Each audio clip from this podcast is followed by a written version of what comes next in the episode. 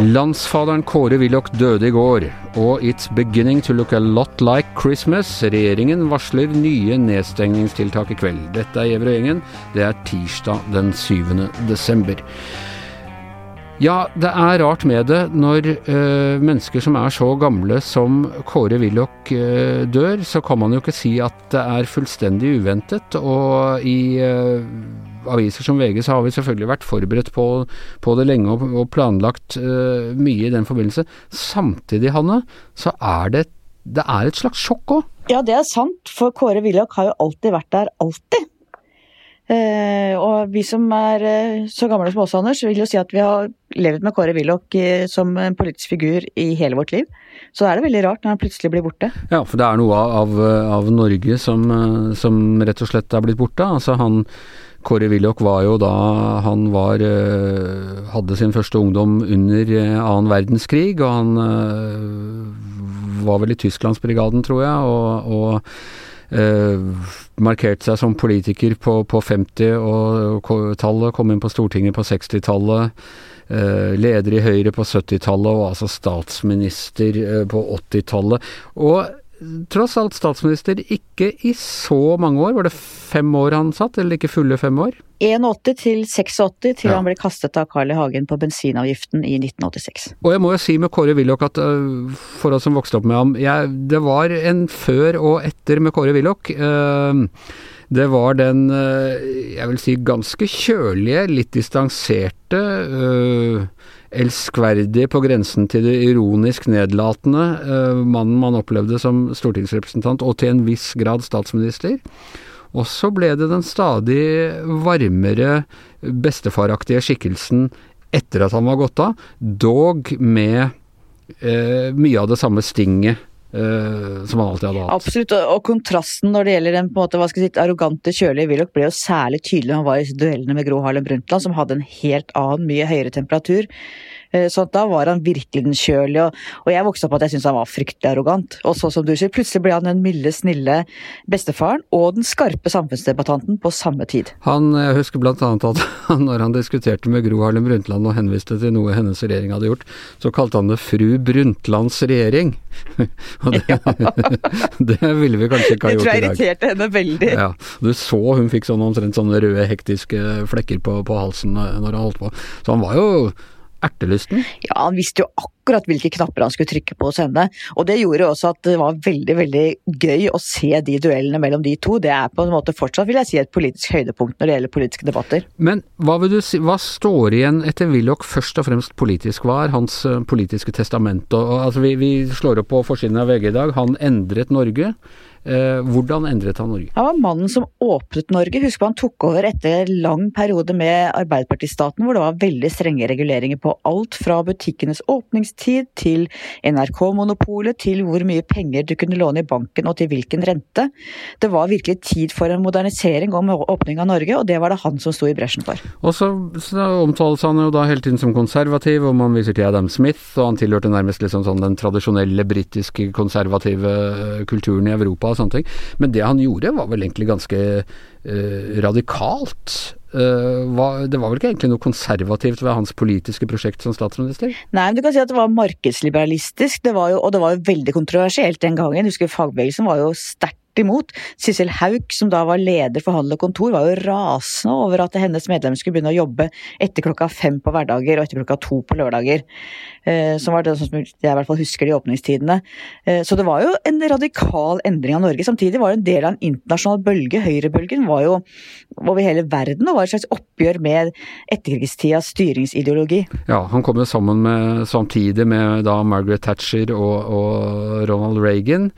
Eh, og hadde vel en ganske god personlig relasjon til begge to, men sammenligna med de to, så var han den rene sosialdemokraten. Ja, særlig for at han var jo aldri en fagforeningsknuser. De gikk jo til kamp mot fagforeningene, mens også Kåre Willoch representerte den veldig viktige trepartssamarbeid som vi har og har hatt i Norge, med nettopp arbeidsgiverne, arbeidstakerne og staten som spiller på lag og finner fram til gode kompromisser når det, når det spisser seg til i konflikter i samfunnet. Samtidig som han mente at de hadde en urimelig stor innflytelse eh, tatt i betraktning at det ikke var demokratisk valgte organer. Ja, du er god på parodi, Anders. ok, og apropos parodi. Eh, Roar Hagen, vår, eh, vår eminente tegner. Er eh, Rent utseendemessig, er Kåre Willoch den mest ikoniske politikeren vi har hatt i Norge etter krigen?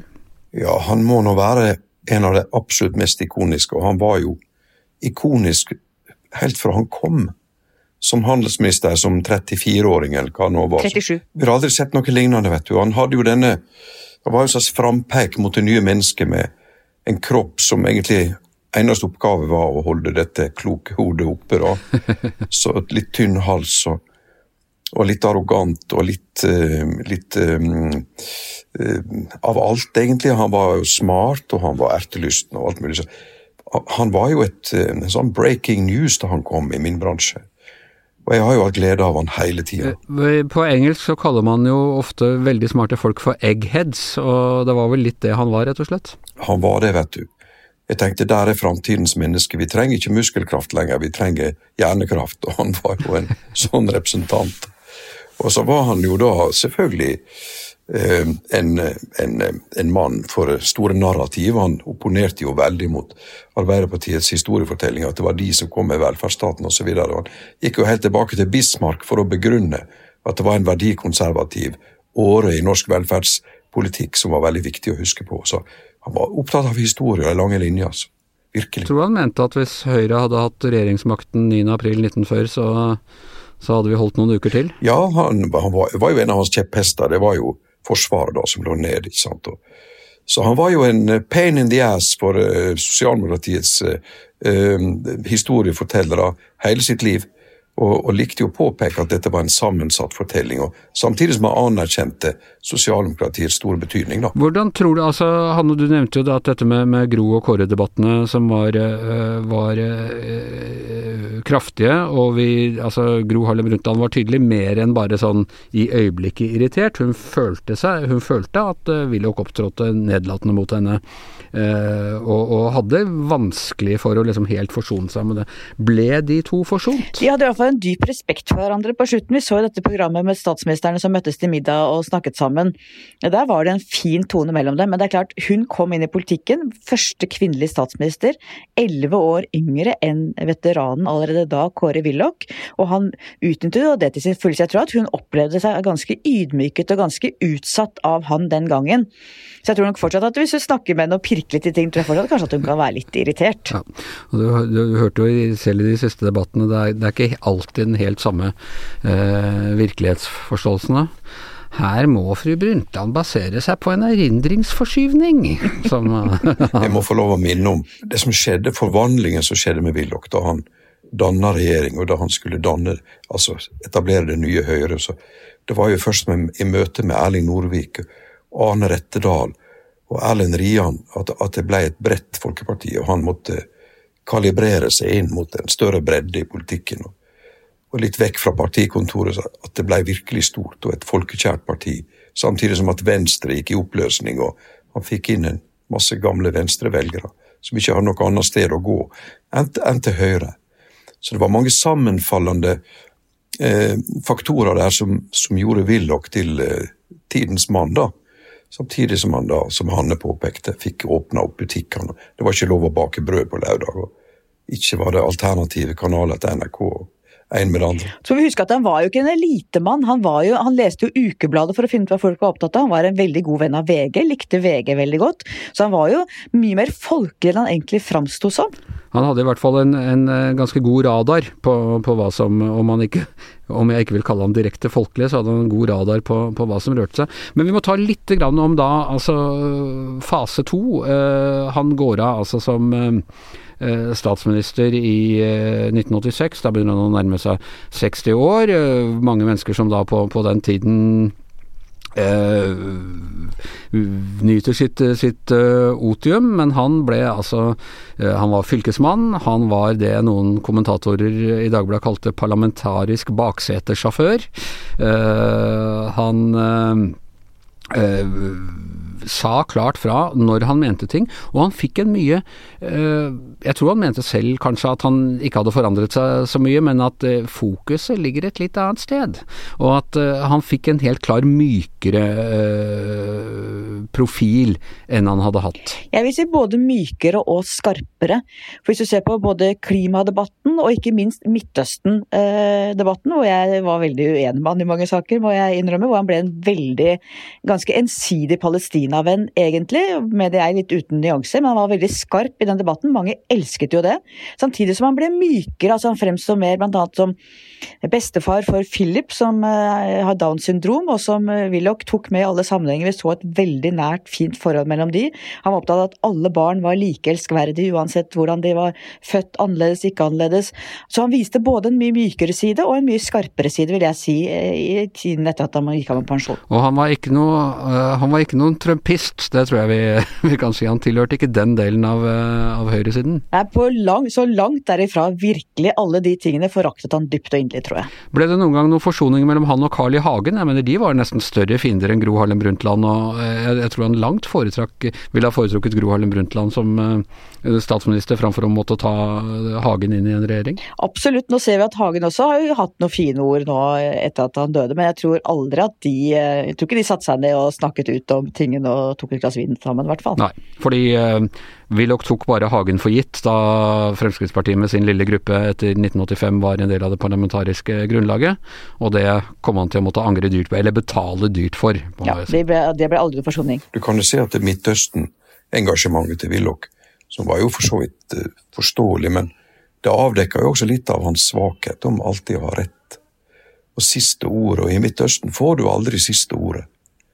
Det fins ikke noe siste ord i Israel-Palestina på den måten, så kjørte seg vel litt fast, da, vil mange si. Men, men engasjementet var dypfølt, altså. Jeg tror han følte det i inne i sjela. Han hadde også en, eh, en, eh, tålmodighet, og jeg vil, eh, kan anbefale folk å gå inn på VGTV og se et klipp fra som nå er en, nå nærmer seg vel ti år gammelt. Det er en nabokrangel hvor Ullern tennisklubb mener at Kåre Willoch ulovlig har bedt en gartner ta ned, kutte ned noen trær, og han blir beskyldt for løgn av litt av hvert. Men altså, det er en tålmodighet og samtidig en syrlighet som bare skrur seg til i møte med denne her tennisfyren, som, som jeg må si er for meg litt sånn jeg vil, jeg vil huske Kåre Willoch.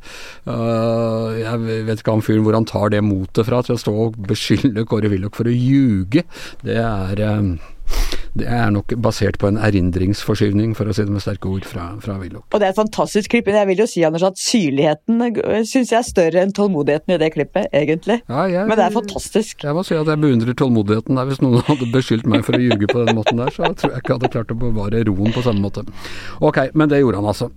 Uh, vi må også snakke litt korona. I kveld klokka sju så er det ny eh, pressekonferanse, og det skal bli eh, nye tiltak. og Gud veit hva de finner på, men vi var altfor optimistiske, skriver du i eh, VG i dag, Astrid Mæland. To måneder etter gjenåpningen av Norge slår vi alle smitterekorder, og helseministeren vil stramme inn eh, for tredje gang på en uke. Eh, skulle vi ikke ha gjenåpna på den måten vi gjorde i, eh, i høst, i september? Ja, det er jo lett å være etterpåklok, og jeg tror ikke at det har vært noe stor stort ønske, eller jeg tror ikke at folk har akseptert strenge tiltak eh, i den situasjonen som det var da. Men eh, det vi kanskje gjorde, da, eh, som det går an å reflektere litt rundt, er at vi la for mye vekt på normal, og kanskje litt for lite vekt på beredskap.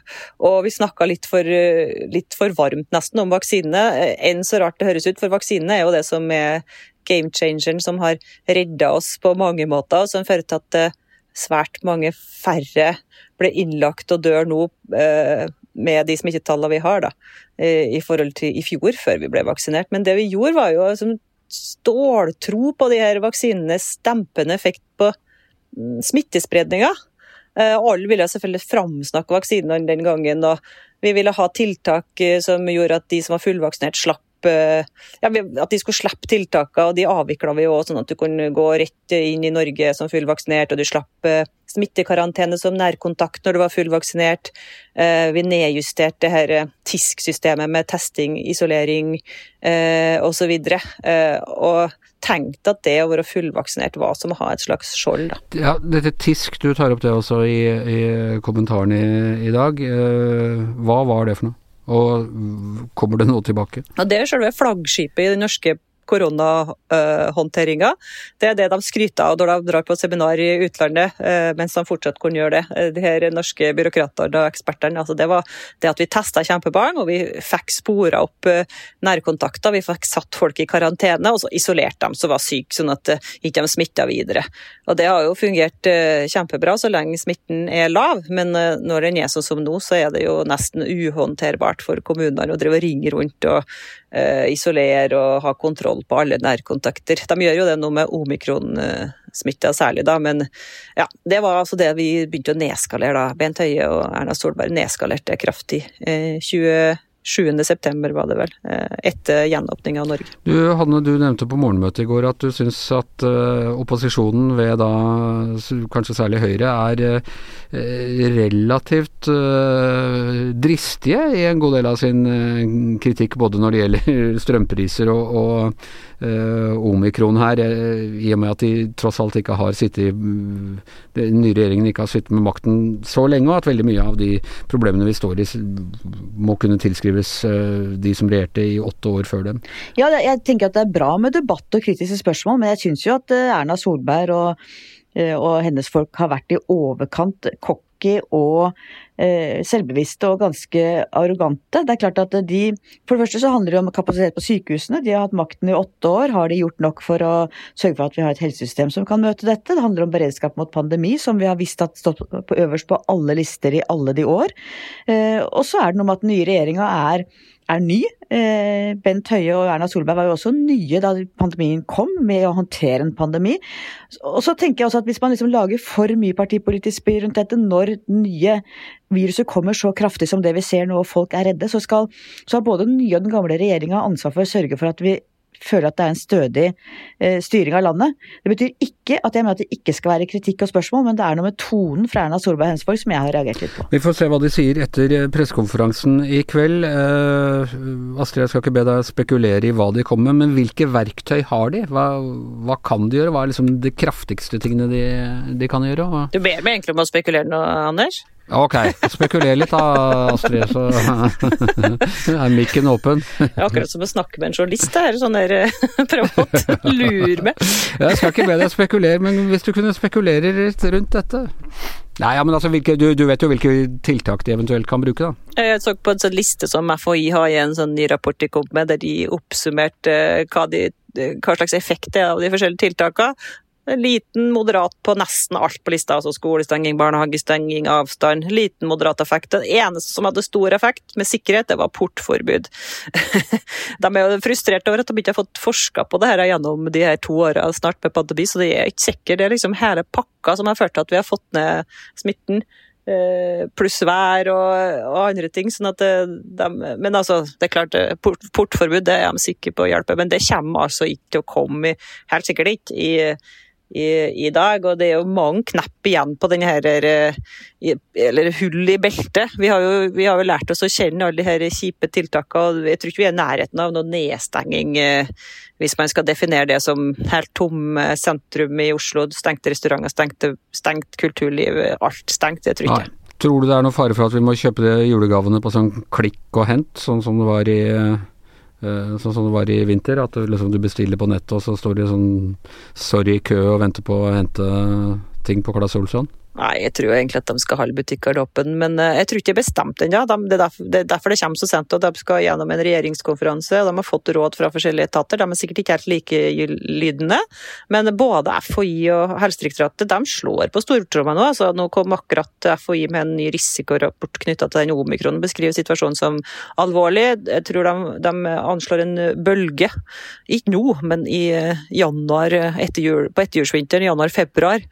Eh, og ja, de sier at det er behov for eh, nye tiltak og at situasjonen er alvorlig. Og de er helt med på den beskrivelsen til Helsedirektoratet om at eh, alle ledd i helsetjenesten er pressa. Så det blir nok ganske sikkert nye nasjonale tiltak som alle sammen i Norge vil merke, da. Det er rene, det er rene sånn eh, groundhog day. Dette er eh, liksom du føler at du er Du vet omtrent eh, hva de skal si og, og i det hele tatt.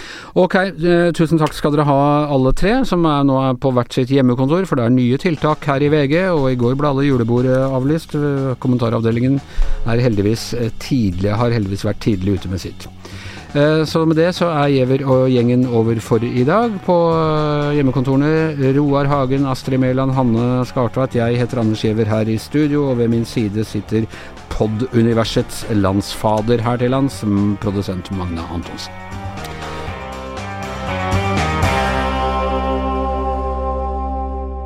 Du har hørt en podkast fra VG.